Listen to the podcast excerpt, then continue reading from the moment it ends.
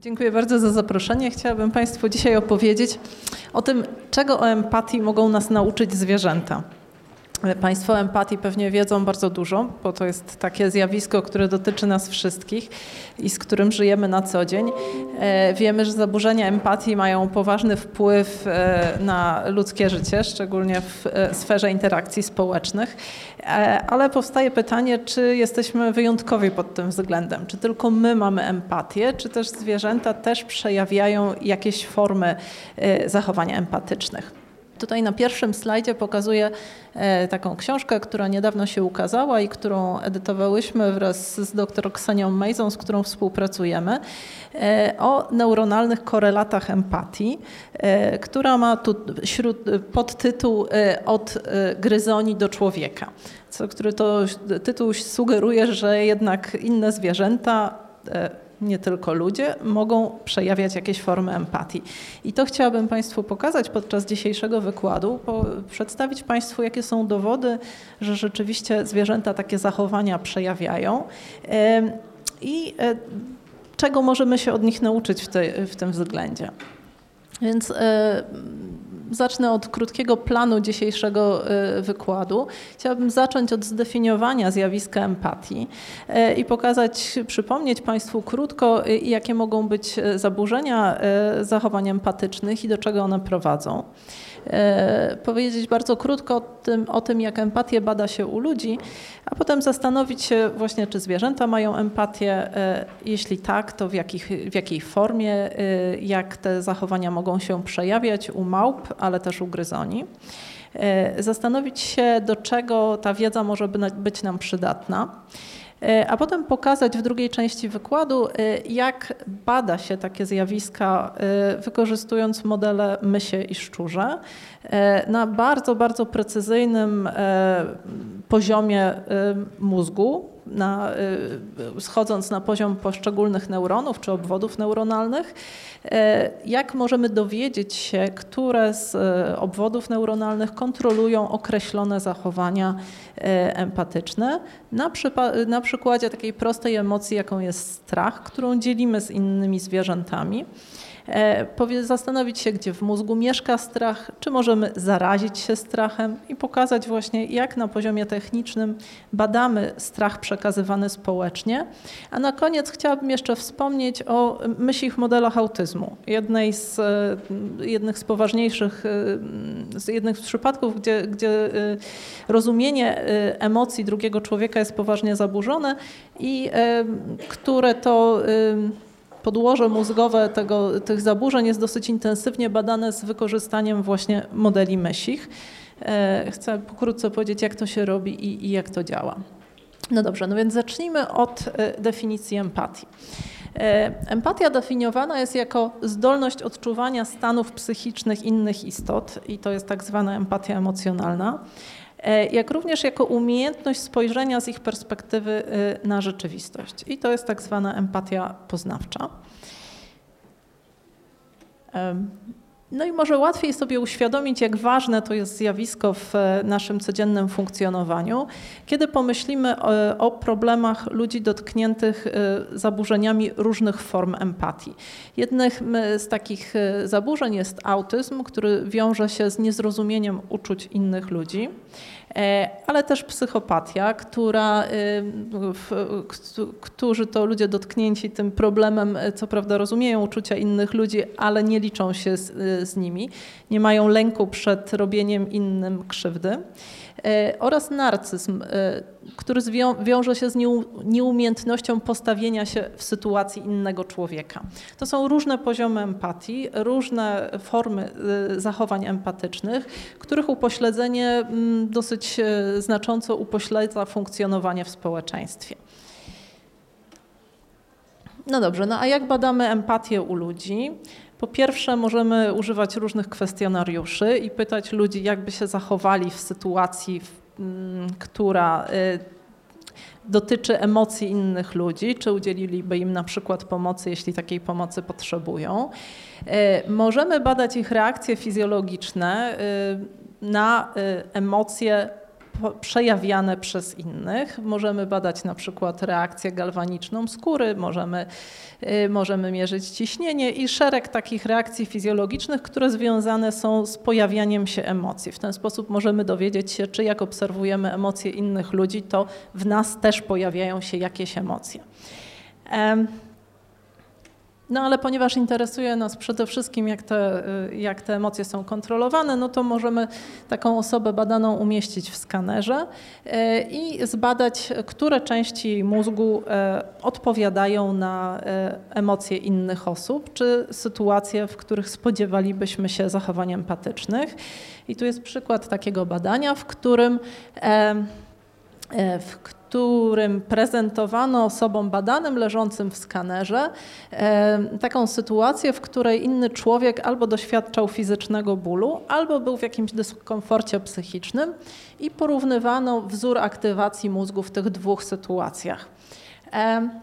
No i to są, y, używa, używanie funkcjonalnego rezonansu magnetycznego przyniosło bardzo, bardzo dużo interesujących wyników. Dzięki temu wiemy, które części mózgu są aktywne w różnych, y, w różnych sytuacjach, które w związku z tym, y, które, które z części mózgu mogą mieć istotną rolę dla kontroli takich emocji społecznych na przykład. Natomiast metoda ta ma też pewne ograniczenia. No po pierwsze jest metodą y, pozwalającą na obrazowanie, więc możemy widzieć aktywację, natomiast nie wiemy jaką rolę pełnią te, e, te części mózgu, które są aktywowane. E, jaką Zwykle to, co badamy u ludzi, jest dosyć e, skomplikowanym zachowaniem czy, czy skomplikowaną reakcją. Nie do końca wiemy, jak pojedyncze komponenty tej reakcji empatycznej na przykład są kontrolowane przez te części mózgu, które tutaj y, ulega, widzimy, że ulegają aktywacji. E, to jest y, jeden problem, a drugi wiąże się z rozdzielczością tej metody. Możemy widzieć aktywację struktur mózgowych, ale y, musimy pamiętać o tym, że struktury mózgowe zbudowane są z neuronów. Te neurony łączą się w takie grupy, obwody neuronalne, które są odpowiedzialne za kontrolę zachowań. I w takiej pojedynczej strukturze mamy bardzo dużo różnych neuronów. E, które, jak pokazują badania ostatnich 10 lat prowadzone na zwierzętach, choć leżą obok siebie, mogą mieć zupełnie różne funkcje. No, ponieważ one leżą obok siebie, e, to nie mamy, skaner nie daje nam takiej e, rozdzielczości, żeby obejrzeć oddzielnie ich aktywację. Także gubimy tę informację i nie jesteśmy w stanie zejść na taki niższy, bardzo podstawowy poziom pojedynczych komórek nerwowych. E, takie możliwości dają e, badania na zwierzętach. Ale żeby e, w ogóle badać empatię u zwierząt, musimy sobie zadać pytanie, czy empatia u zwierząt występuje.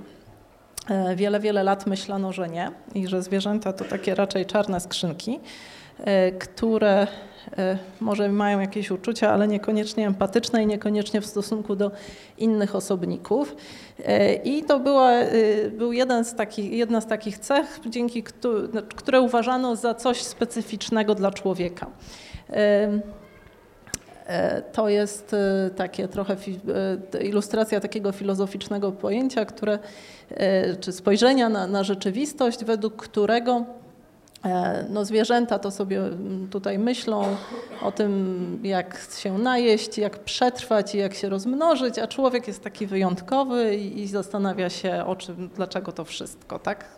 I, I, dlaczego jesteśmy i dlaczego żyjemy. E, no i taki pogląd dominował również w sferze badań nad emocjami. Przez bardzo, bardzo długo myślano, że e, emocje społeczne emocje czy, czy zachowania prospołeczne są właściwe przede wszystkim ludziom. Wiązano je z moralnością e, i wiązano je z rozwojem raczej kory mózgowej niż, e, niż struktur podkorowych tradycyjnie łączonych z emocjami. Natomiast e, obserwacje prowadzone przez kilkadziesiąt ostatnich lat, które zaczęły przede wszystkim na małpach żyjących w naturze, ale też żyjących w rezerwatach, pokazały, że y, nasi najbliżsi krewni, y, bonobo i szympansy, są w stanie przejawiać bardzo złożone zachowania prospołeczne. Tutaj podsumowuję takie, te, te, te, takie badania bardzo krótko, natomiast polecam Państwu książki przede wszystkim Fransa de Walla, który mm, bardzo interesująco opisuje zachowania społeczne u bonobo. Kilka z nich było tłumaczonych na polski i z tychże książek można dowiedzieć się o różnych bardzo interesujących zachowaniach, które pokazują, że nie jesteśmy, przynajmniej na poziomie emocjonalnym, nie jesteśmy tak, nie odeszliśmy tak daleko od naszych krewnych. Tutaj takimi typowymi prospołecznymi zachowaniami, o których można pomyśleć. E, jest na przykład opieka nad upośledzonymi albo chorymi członkami stada. Otóż u małp e, rodzą się e, osobniki, które chorują na zespół Downa i objawy tego zespołu przypominają to, co, co, co znamy z ludzkiej wersji e, tej choroby. E, I takie małpy są gorzej przystosowane do życia w naturze, mają problemy ze zdobywaniem pokarmu, często mają problemy z no, zorganizowaniem sobie życia. Natomiast zaobserwowano, że one całkiem dobrze są w stanie przetrwać dzięki pomocy innych osobników w stadzie i dożywają dosyć sędziwego wieku. Nawet w naturze przy takiej E, presji, e, e, gdzie, gdzie zdobycie pokarmu nie jest łatwe. I ta opieka jest, jest wyraźna i dosyć powszechna. Dosyć powszechne jest też powstrzymywanie się przed agresją, szczególnie w stosunku do młodocianych. I to jest takie zachowanie, które przypomina to, co, co znamy z naszego ludzkiego społeczeństwa, bo zwykle znosimy cierpliwie wybryki młodzieży. E, I małpy są w stanie y, robić to samo i to nie jest y, agresja, nie, nie zależy tylko od, od sytuacji, zależy od tego, z jakim osobnikiem mamy do czynienia. E, jeżeli to jest osobnik młodociany, to okazuje się, że małpy są dużo bardziej cierpliwe i wykazują się dużo większą wyrozumiałością niż w stosunku do dorosłych. E, małpy mają też bardzo silne poczucie sprawiedliwości. Jest e, świetny filmik na YouTubie, polecam obejrzenie. To są takie badania znowu grupy Franza Devala, w których uczono małpy wykonywania pewnej reakcji, prostej, to było chyba pociąganie za sznurek i po tym pociągnięciu za sznurek dostawały nagrodę. I tą nagrodą mogło być winogrono albo plasterek ogórka. No i małpy generalnie uczyły się niezależnie od tego, co było nagrodą i współpracowały z badaczami, chyba że umieszczano je w dwóch sąsiednich nich klatkach jedna z małp dostawała winogrono, a druga dostawała plasterek ogórka. Wtedy te oczywiście winogrona są dużo bardziej atrakcyjne dla małp. Wtedy ta małpa, która się orientowała, że dostaje plasterek ogórka, a nie winogrono, była bardzo, bardzo zirytowana i to jest e, dosyć niesamowita reakcja, bardzo przypominająca to, co możemy widzieć u dzieci. Była na tyle zdenerwowana, że tupała, krzyczała oraz rzucała ogórkami w eksperymentatora. E, więc polecam. Przypomina to naprawdę bardzo zachowania dzieci, które czują się traktowane niesprawiedliwie. Małpy też świetnie kooperują ze sobą, są dzięki temu w stanie wykonywać dosyć, dosyć złożone czynności i i osiągać cele, których nie byłyby w stanie osiągnąć e, pracując samodzielnie. Małpy też przejawiają smutek po, po śmierci członków stada, co jest bardzo interesującym e, zjawiskiem. Tu jest takie zdjęcie z rezerwatu, w którym e, żyją małpy i taka już do, samica w dosyć podeszłym wieku zmarła poprzedniego dnia i tutaj jej ciało jest wynoszone przez opiekunów. Pozostali członkowie stada ustawili się tutaj wzdłuż płotu i, i wyraźnie cierpią. E, to też takie, takie, takie zachowanie, które bardzo przypomina to co, to, to, co widać w kulturach ludzkich. No i jakby podsumowanie, to, to są e, głównie obserwacje takich naturalnych zachowań zwierząt, czy też żyjących w warunkach naturalnych, czy też żyjących w warunkach półnaturalnych, takich rezerwatach które pokazują, że te zachowania społeczne są dosyć zbliżone do tego, co, co możemy widzieć e, przynajmniej w prymitywnych kulturach ludzkich.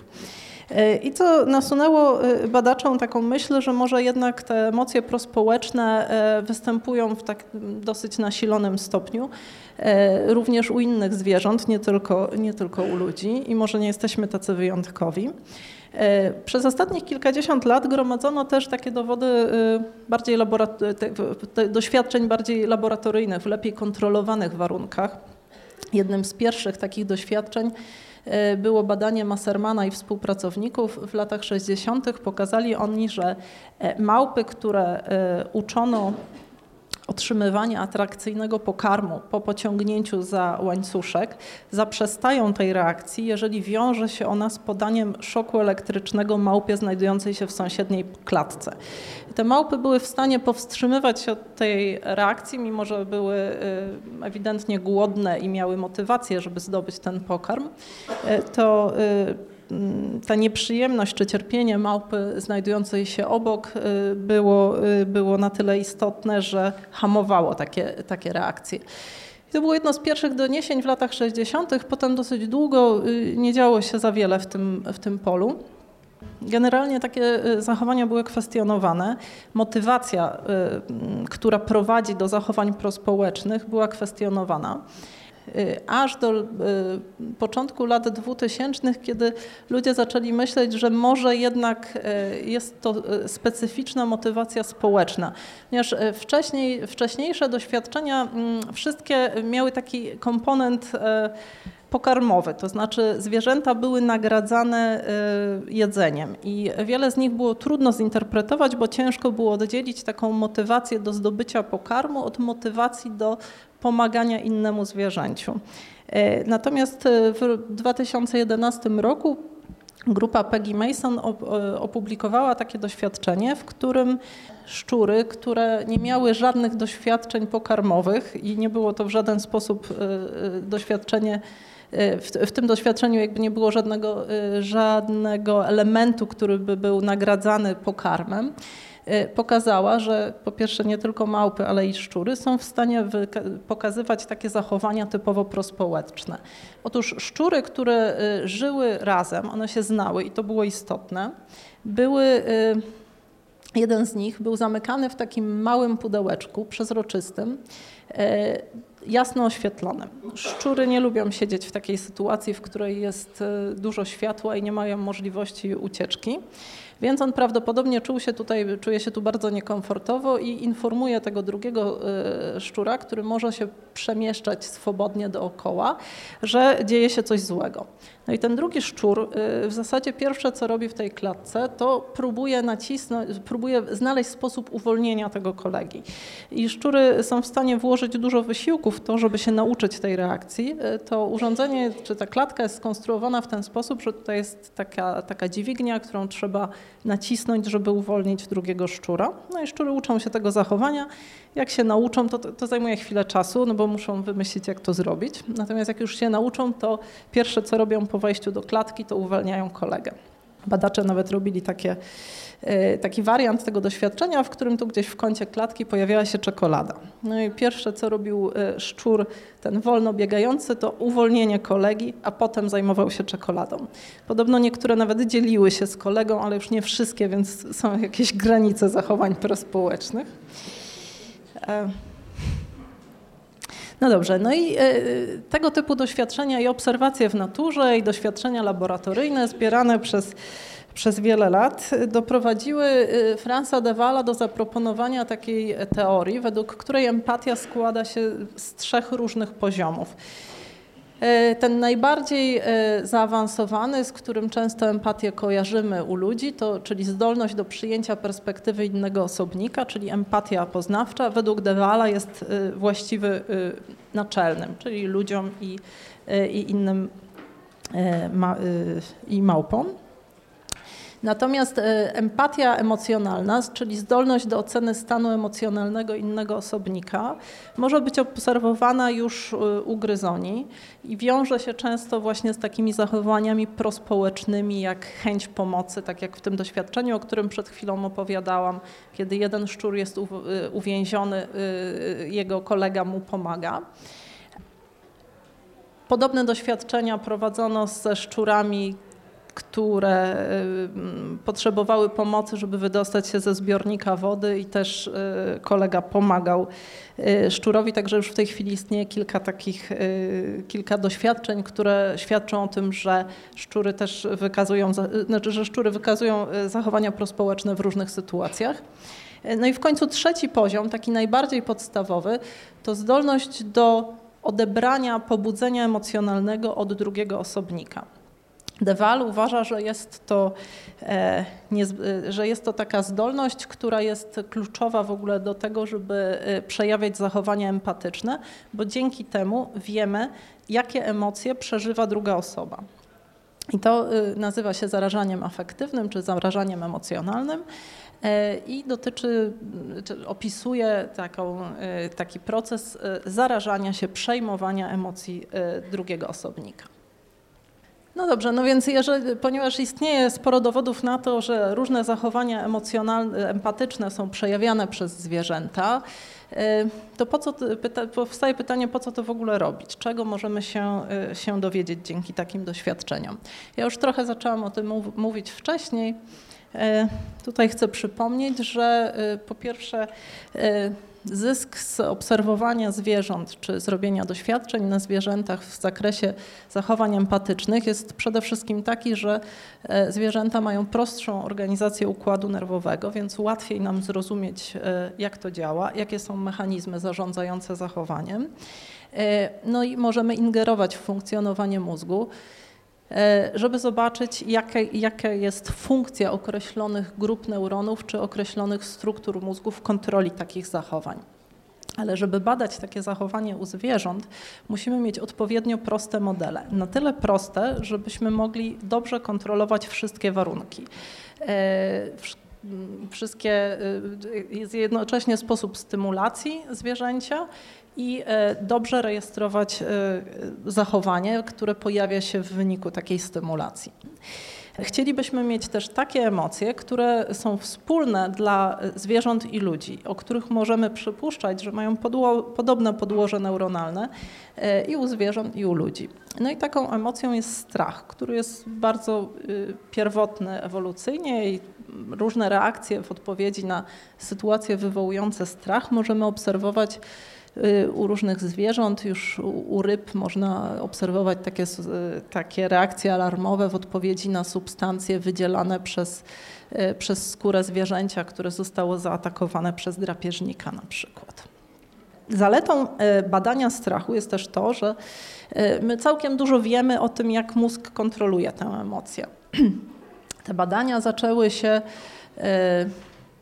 od doświadczeń Cliviera i Bissiego w e, latach 20. XX wieku zaobserwowali oni, że usunięcie takiej małej struktury w mózgu, które się nazywa ciało migdałowate, e, dlatego że ma kształt migdała, e, i występuje u ssaków, powoduje bardzo poważne zaburzenia emocjonalne, między innymi utratę lęku. Zaobserwowali, że małpy pozbawione tej struktury kompletnie przestają się bać. Przestają się bać ludzi, ale przestają się też bać na przykład węży, których w naturalnych warunkach się boją, bo, no bo wąż może być jadowity. No i to było pierwsze takie badanie, które zwróciło uwagę na istotną rolę ciała migdałowatego w kontroli reakcji strachu.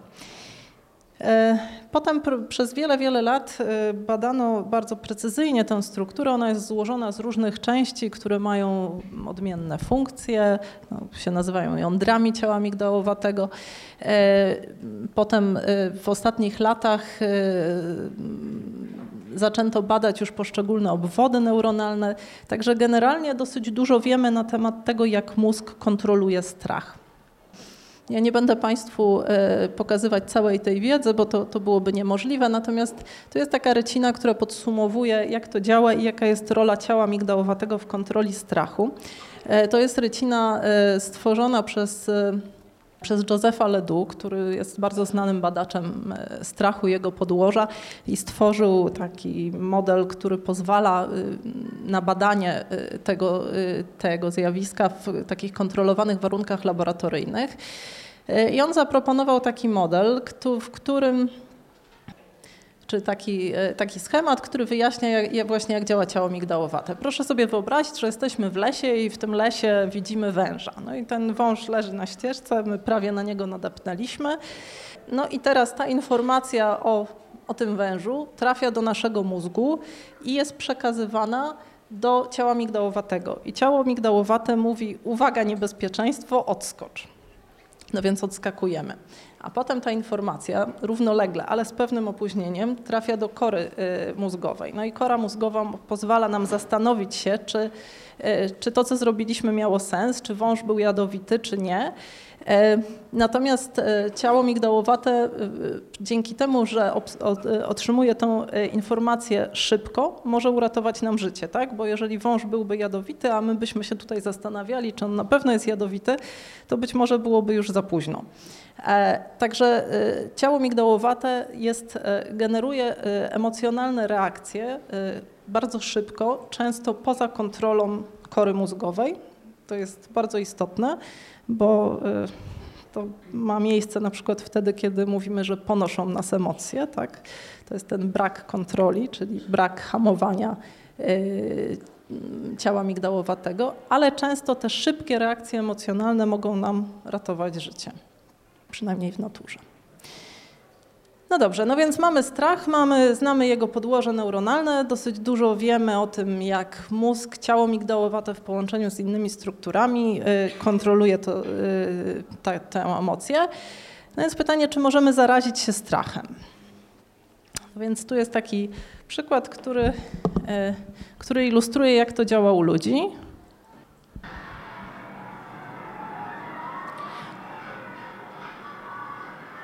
Teraz Państwo zarażają się strachem.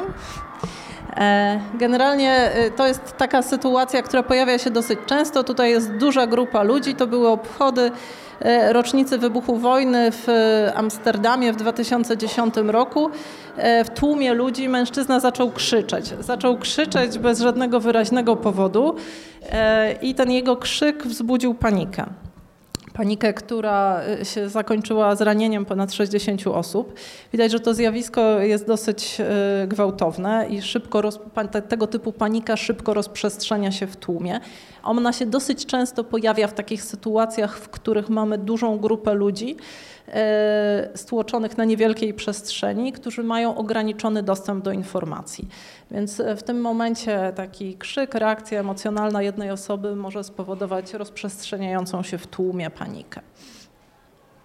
No więc e, jakiś czas temu zastanawialiśmy się, czy da się taką sytuację modelować u zwierząt w jakiejś takiej prostej formie, która pozwalałaby nam na kontrolowanie E, reakcji i kontrolowania tego, jak mózg e, e, zawiaduje takim zachowaniem. No więc stworzyliśmy model, w którym mamy dwa szczury znające się ze sobą, mieszkające razem, z których jeden z nich jest poddawany tak zwanemu warunkowaniu strachu, które powoduje silne wzbudzenie emocjonalne. I on po tym warunkowaniu strachu wraca do klatki domowej, gdzie ma okazję porozumiewać się z kolegą. Te szczury Tutaj jest klatka domowa, mamy dwa szczury, one są pomalowane przez nas, żeby lepiej widzieć e, je w kamerze, żeby łatwiej analizować zachowanie w naturze, one są zupełnie białe.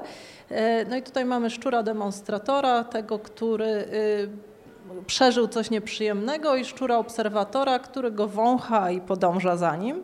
E, I to jest taka sytuacja, w której szczury są bardzo aktywne. Te obserwatorzy bardzo wyraźnie interesują się e, drugim szczurem, biegają za nim, obwąchują. E, szczury porozumiewają się też w paśmie ultradźwięków, one dużo wokalizują wtedy. Widać, że jest to dla nich silnie pobudzające.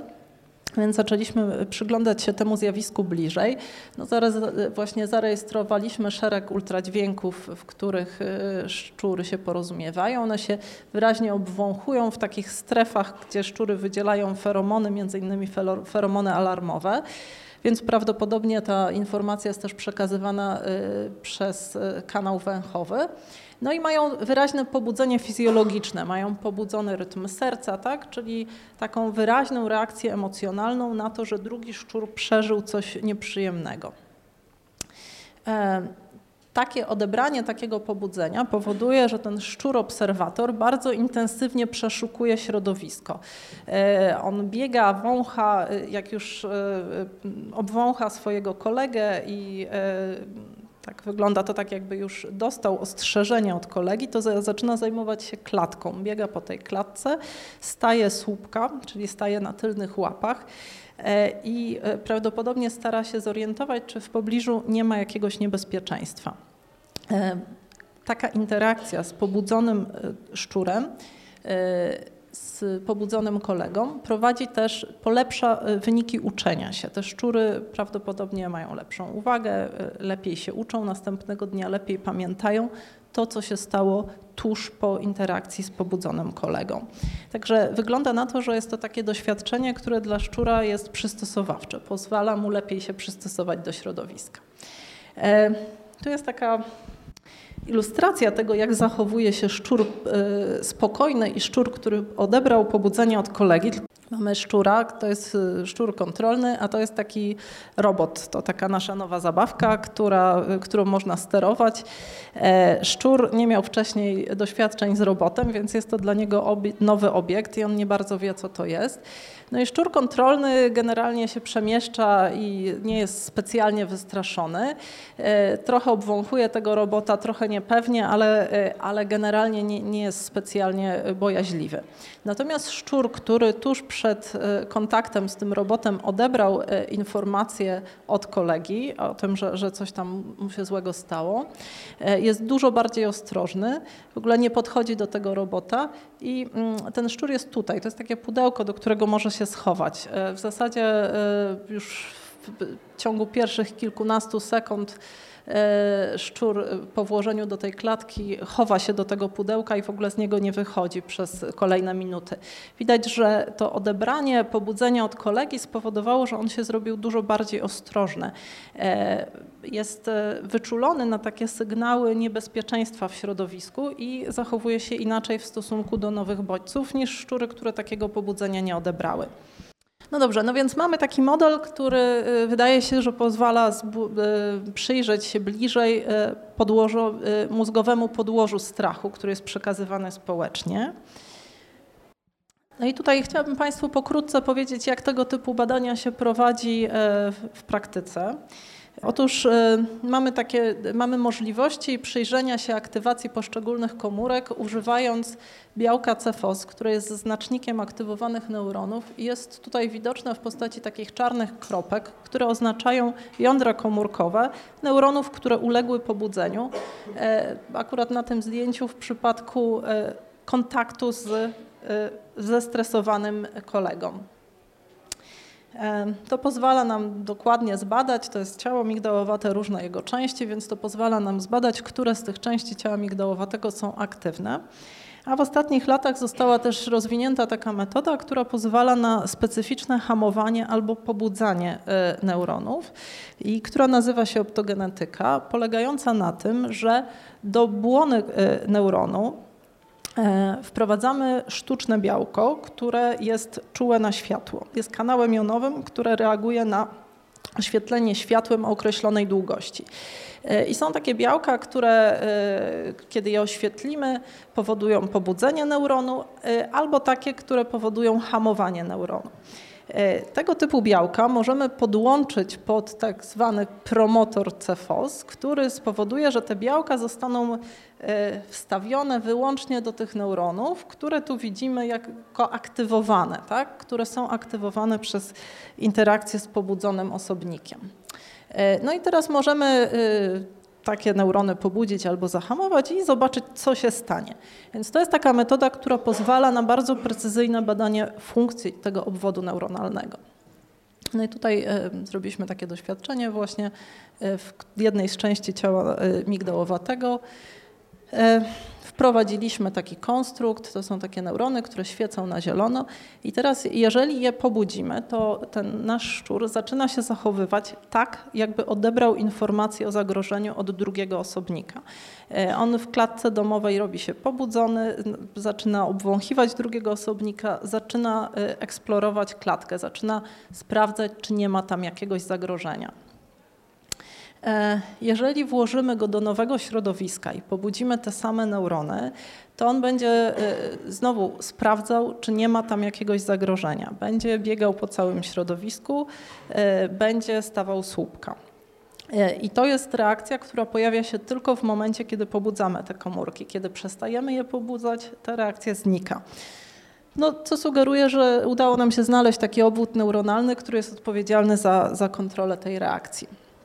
No i to, to pokazuje pewien sposób myślenia, czy pewien sposób badania tych procesów. E, tu jest e, My te badania prowadzimy na nieco większą skalę. Poza tym modelem, który Państwu opisywałam, e, badamy też emocje i bardziej negatywne, i bardziej pozytywne. Dla bardziej negatywnych mamy taki model, w którym szczur patrzy na drugiego szczura, któremu którego pobudzamy emocjonalnie, któremu dzieje się coś nieprzyjemnego. W przypadku emocji pozytywnych szczury, które się znają, są rozdzielane na jakiś czas, a potem łączone razem. Wtedy szczury wy wyglądają na szczęśliwe, Takie, taka sytuacja pobudza ich układ nagrody. No i możemy porównać takie obwody neuronalne właśnie w ciele migdałowatym, które są pobudzane przez trzy rodzaje e, e, e, emocji społecznych. No i teraz, jeżeli do y, takiego szczura włożymy do nowego środowiska, to jest taki E, to, to, jest tak zwany test otwartego pola. To jest takie dosyć duże pudełko, w którym szczur może sobie swobodnie biegać i, e, i sprawdzać, czy poznawać to nowe środowisko. W jednym z rogów tego, e, tego otwartego pola mamy taki domek, w którym szczur się może schować. W przeciwległym rogu mamy tak jasno, oświetlonym, jasno oświetlony rejon. Szczury jasno oświetlonych rejonów raczej nie lubią, ale się zwykle interesują tym, co jest w nowym środowisku więc tam podchodzą i sprawdzają, wkładając nos i sprawdzając, co, co tam się dzieje. E, no i teraz jak pobudzimy te e, wody neuronalne, które się tutaj zaktywowały e, w przypadku tych emocji bardzo negatywnych, średnio negatywnych i pozytywnych, mamy zupełnie inne efekty podczas eksploracji e, środowiska, czy, czy e, inne efekty dla zachowania tego szczura w środowisku. Jeżeli pobudzimy w e, przypadku tych emocji, bardzo negatywnych emocji społecznych, pobudzimy ten obwód, to szczur się chowa do domku i pozostaje w tym domku. E, w przypadku tych e, trochę mniej negatywnych emocji, szczur e, bada środowisko, sprawdza, co tam się dzieje, ale jest bardzo ostrożny. Natomiast w przypadku emocji pozytywnych, on taki jest zupełnie zrelaksowany, podchodzi do tego światła i tam się opala w tym w tym kącie. Generalnie dużo więcej czasu spędza w świetle i dużo większe, dużo dłuższe ma te okresy na które odważa się wejść do tego, y, tej, tej części y, środowiska, która jest taka dosyć niebezpieczna z punktu widzenia szczura, bo one się obawiają jasnego światła.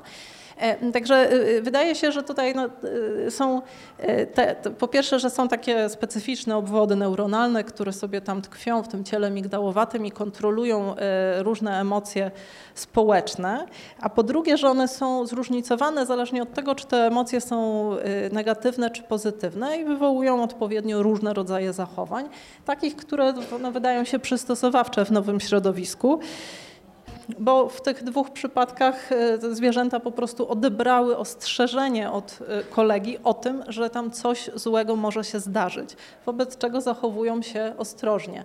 E, a tu prawdopodobnie odebrały informację, że środowisko jest bezpieczne i można sobie tam spokojnie chodzić i wąchać i nic się złego nie dzieje.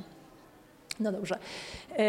No więc do tego generalnie wykorzystywane są modele zwierzęce, żeby na tak na takim bardzo precyzyjnym poziomie sprawdzać, które to komórki, no bo to nam pozwala zrozumieć, jak, jak ten system działa i jak emocje są kontrolowane. No i to jest szczególnie ważne dlatego, żeby zrozumieć zaburzenia empatii, takie jak na przykład w przypadku autyzmu. E, I e, są, jest, jest takie dedykowane pole badań, w którym mm, próbuje się sprawdzić, jak, e, jakie zmiany w mózgu zachodzą w przypadku różnych mutacji, które u ludzi wiadomo, że prowadzą do, do autyzmu. Jednym z takich przykładów jest Zespół łamliwego chromosomu X to jest mutacja, która prowadzi do utraty funkcjonalnego białka e, FMR1, które e, no, u ludzi ten, ten zespół często charakteryzuje się właśnie zaburzeniami autystycznymi, a poza tym upośledzeniem umysłowym. No i to jest taki przykład e, choroby, którą się modeluje u myszy, uszkadzając ten sam gen i sprawdzając, co się stanie. No i oczywiście U myszy trudno obserwować takie zaburzenia jak u ludzi, one nie mają podobnej, tej, tej samej formy, ale okazuje się, że myszy z uszkodzonym takim genem również mają problemy z interakcjami społecznymi. No więc jak pomyślimy o takich trzech kluczowych, osiowych zaburzeniach autyzmu, czyli deficytach w interakcjach społecznych, zachowaniach stereotypowych i zaburzeniach komunikacji, to w zasadzie wszystkie z nich możemy zaobserwować w tymże myślim modelu autyzmu. One rzeczywiście niechętnie wchodzą w interakcje społeczne, e, mają ich dużo mniej niż, niż e, normalne zwierzęta, przejawiają zachowania stereotypowe, na przykład uparcie chodzą w to samo miejsce, co u typowych myszy się raczej nie zdarza mają zaburzenia w zakresie produkcji ultradźwięków, w których zwierzęta się porozumiewają. Więc tutaj jest szereg takich e, przesłanek e, mówiących o tym, że, e, że, że, że tutaj te zachowania społeczne też zależą od normalnej ekspresji tego genu. No i tego typu modele oczywiście pozwalają nam na badanie mechanizmów tego, jak mózg kontroluje przeróżne zachowania, które, znaczy jak zmieniona jest ta kontrola zachowania w mózgu po, y, po, po, z taką mutacją. No i jednym, y, my ten nasz model, który opracowaliśmy, używamy też y, właśnie u myszy i udało nam się wykazać, że w jednym z takich modeli autyzmu te myszy nie są w stanie odbierać właśnie informacji o zagrożeniu czy informacji o stanie pobudzenia drugiego osobnika. Nie reagują tak jak, jak myszy kontrolne.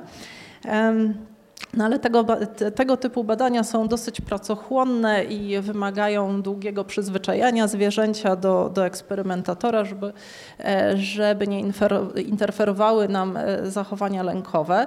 W związku z tym Jakiś czas temu opracowaliśmy taki system, który nam e, pozwala na badanie interakcji społecznych u myszy, a także badanie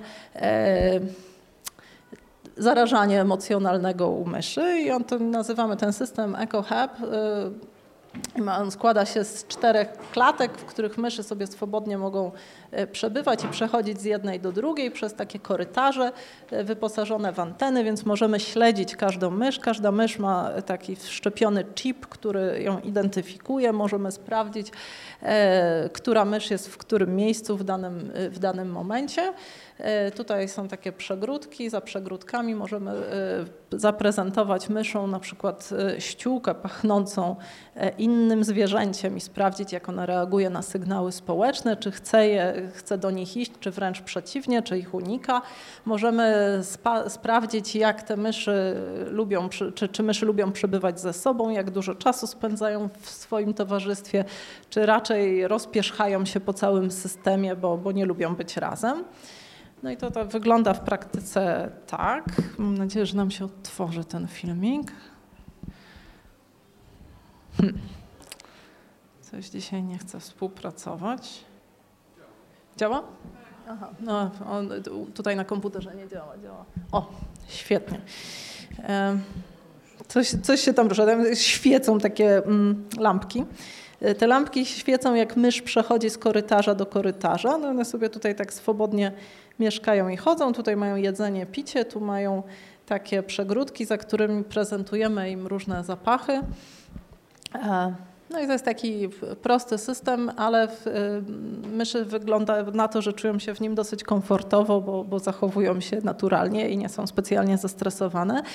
No i możemy, y, używamy właśnie takiego systemu do badania właśnie myślich modeli autyzmu i sprawdzania, jak one tam ze sobą lubią być, czy nie lubią być, ile czasu spędzają, e, czy reagują na bodźce społeczne, czy nie. No i tutaj też staramy się badać to zarażanie emocjonalne. Otóż okazuje się, że jak mysz odbierze sygnał o zagrożeniu, czyli jednej z myszy coś się tam złego stanie, to pozostałe myszy zaczynają zachowywać się inaczej i e, mniej chętnie chodzą po środowisku i są dużo bardziej ostrożne. E, teraz pracujemy nad, nad e, odpowiednimi modelami dla, dla emocji pozytywnych. Też pierwsze dane wskazują na to, że na przykład myszy przekazują sobie informacje o położeniu e, atrakcyjnego pokarmu w środowisku. No i tak wyglądają od strony technicznej te badania na, na, na, zwierzętach, czy badania różnych zachowań empatycznych na różnych poziomach u zwierząt. Ja chciałabym e, krótko podsumować takie najistotniejsze punkty tego, co pokazałam, e, co usiłowałam Państwu dzisiaj pokazać. E, po pierwsze, uważa się, że zarażanie emocjonalne jest prostą formą empatii, co umożliwia nam wykorzystanie zwierząt, które te, to, to, to zarażenie emocjonalne wykazują, e, jako modeli do badania e, tego, jak mózg kontroluje zarażanie emocjonalne. E, staram się pokazać, że strach może być przekazywany społecznie, zarówno u ludzi, jak i u szczurów i myszy. Doświadczenia na zwierzętach pomagają nam zrozumieć mechanizmy mózgowe, które zawiadują tym strachem. E, I to poznanie takich mechanizmów jest istotne, ponieważ możemy zrozumieć zaburzenia empatii u ludzi i myśleć o celowanych terapiach. E, tu dobrym przykładem, e, ponieważ skończyłam mówiąc o, o modelach autyzmu u, u, myszy, to jest dobry przykład, ponieważ z takich badań, które pokazały, że u zarówno u ludzi z zespołem łamliwego chromosomu X, jak i u myszy z takim z, które modelują to zaburzenie, jest podwyższony poziom białka MMP9. E, stwierdzono, że e, jest na rynku taki antybiotyk, który był używany do leczenia trądziku do tej pory, więc jest bezpieczny, bo przeszedł przez testy kliniczne. On obniża e, aktywność tego enzymu i zaczęto pierwsze próby kliniczne, którym, w których podaje się dzieciom te, z, z, autyzmem ten antybiotyk i on podobno rzeczywiście pomaga. No, równolegle na myszach e, próbuje się e, zrozumieć, jak, e, jak to działa i na co to może pomóc i jakie są takie optymalne okresy, w których, w których można manipulować poziomem tego enzymu, żeby osiągnąć jakieś efekty kliniczne. I to jest, to jest taki przykład tego, jak te badania na, prowadzone na ludziach i, i, i, na zwierzętach się przeplatają i jak jedne y, pomagają e, wymyślić metody terapeutyczne, e, czy jak badania na myszach pomagają wymyślić e, metody terapeutyczne u ludzi. No i na tym chciałabym skończyć. Bardzo Państwu dziękuję za uwagę. Jeżeli mają Państwo pytania, to zapraszam.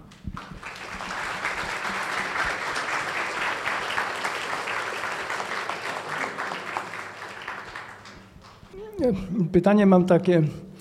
Y, pozytywne emocje y, kierują naszym y, działaniem w odmienny sposób niż negatywne emocje, prawda? Mysz z jednej strony, czy tam szczur z jednej strony wypuszcza z klatki towarzysza, bo rozumie, że ten towarzysz jest w opresji, a z drugiej strony jest zainteresowany czekoladą, prawda? Y, pytanie jest takie, y, jakie są współczesne poglądy na temat mechanizmu mózgowego lub precyzyjniej mówiąc mechanizmu informacyjnego powstawania doznań emocjonalnych, pozytywnych i negatywnych, czyli czym różni się doznanie pozytywne od negatywnego y, i to pozytywne jest przyczyną innego behawioru niż negatywne. Czy to jest w jakiś sposób rozpoznane? Tak, to, to jest taka dziedzina badań, która się bardzo intensywnie rozwija w ciągu ostatnich 10 lat i trochę jest związana z rozwojem technologii. To wspominałam o optogenetyce, to pozwala na identyfikowanie takie funkcjonalne obwodów neuronalnych. No i okazuje się, że generalnie są takie obwody, które reagują tylko na emocje negatywne i takie, które reagują tylko na emocje pozytywne. I takie na przykład w ciele migdałowatym się znajdują.